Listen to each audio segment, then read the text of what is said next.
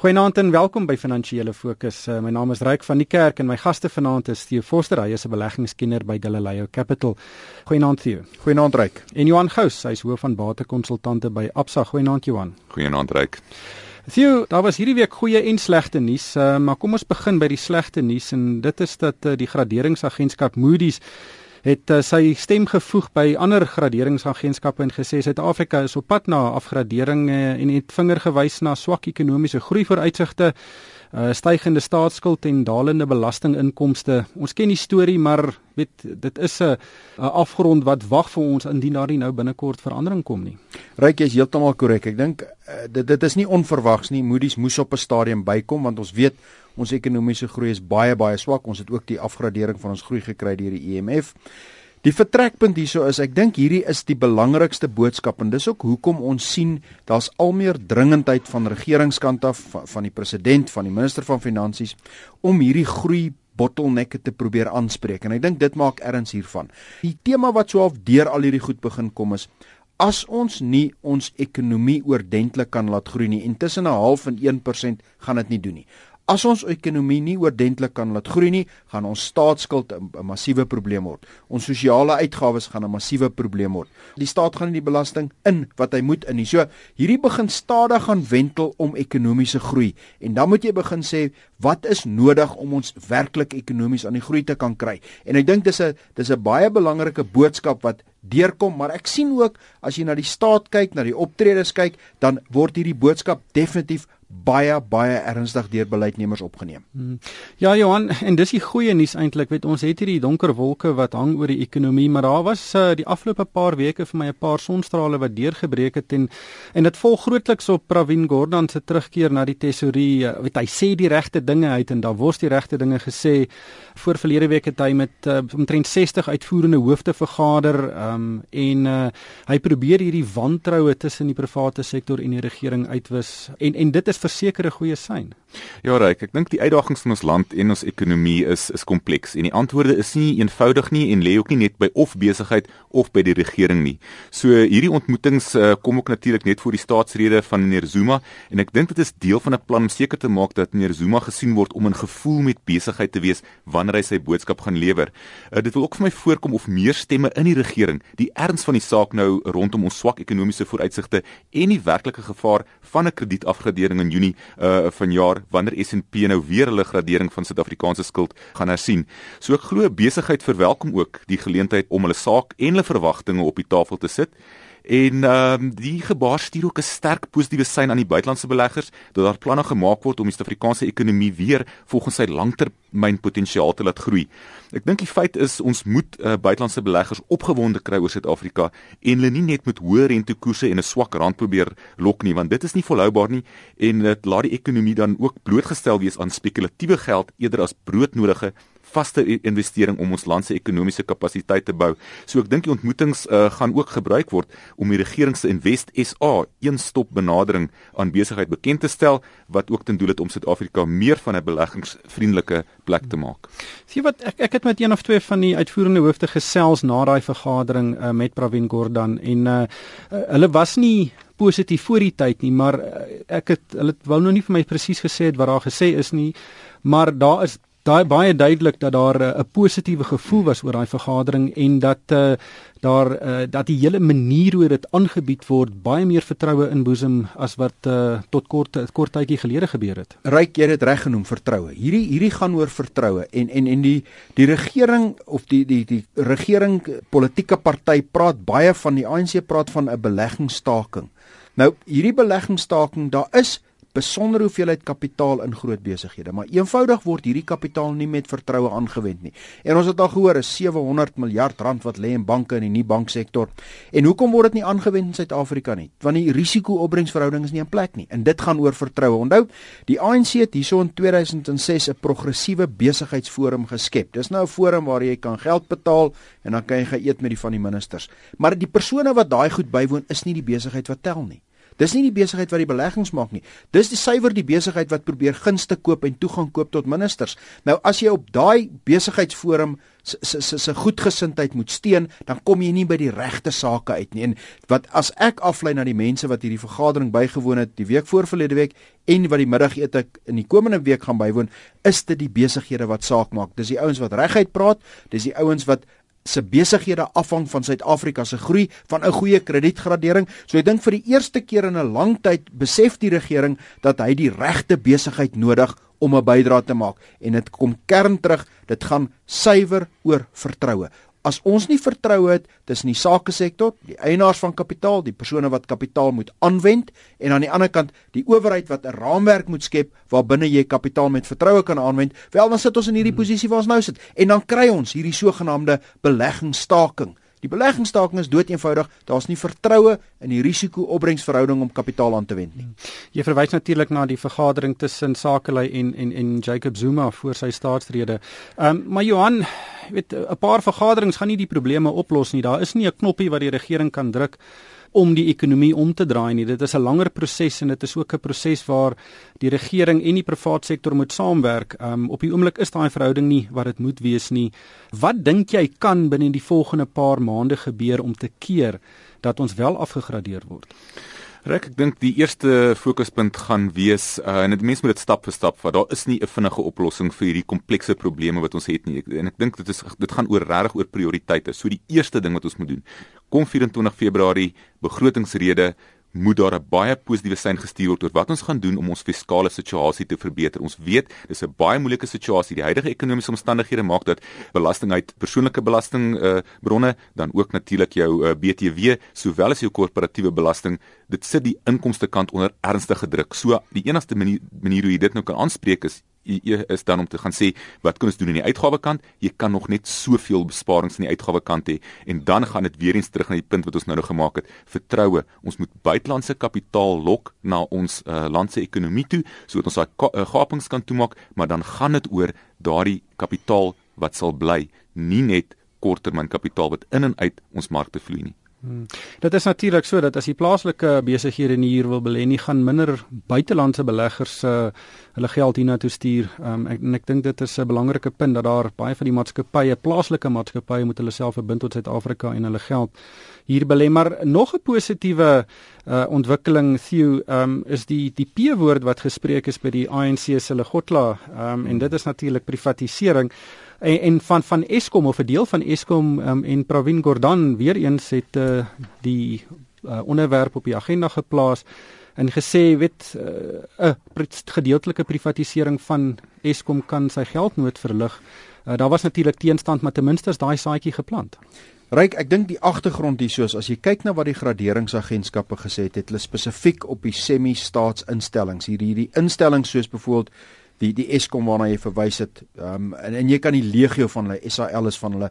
Die probleem met hierdie instellings is daar's 'n paar elemente daar wat problematies is. Nommer 1, hulle kos ons geld. Hulle word nie goed bestuur nie. Maar nommer 2 en ek dink dit is 'n baie belangrike aspek meeste van hulle sit met regeringswaarborge van een of ander soort. Het sy direkte waarborge, indirekte waarborge.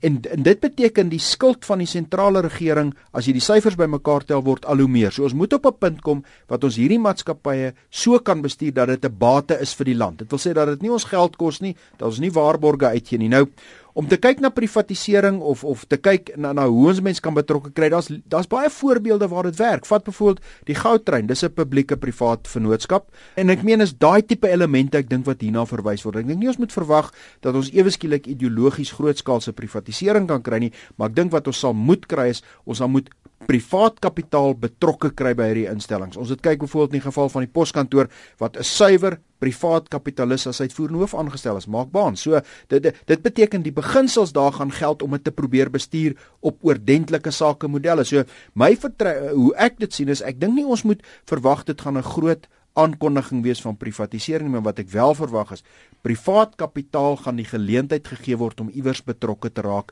in byvoorbeeld Eskom, in byvoorbeeld SAL of dit beteken dat sekere van van van die projekte waar krag gegenereer word op 'n gedeelde vennootskap aangegaan word waar daar geleentheid gegee word byvoorbeeld in die distribusiekant of waar daar geleentheid gegee word in sekere van die van die besighede binne dit, maar ek dink definitief deel van hierdie is hoe kry ons privaat kapitaal? Want privaat kapitaal bring kundigheid.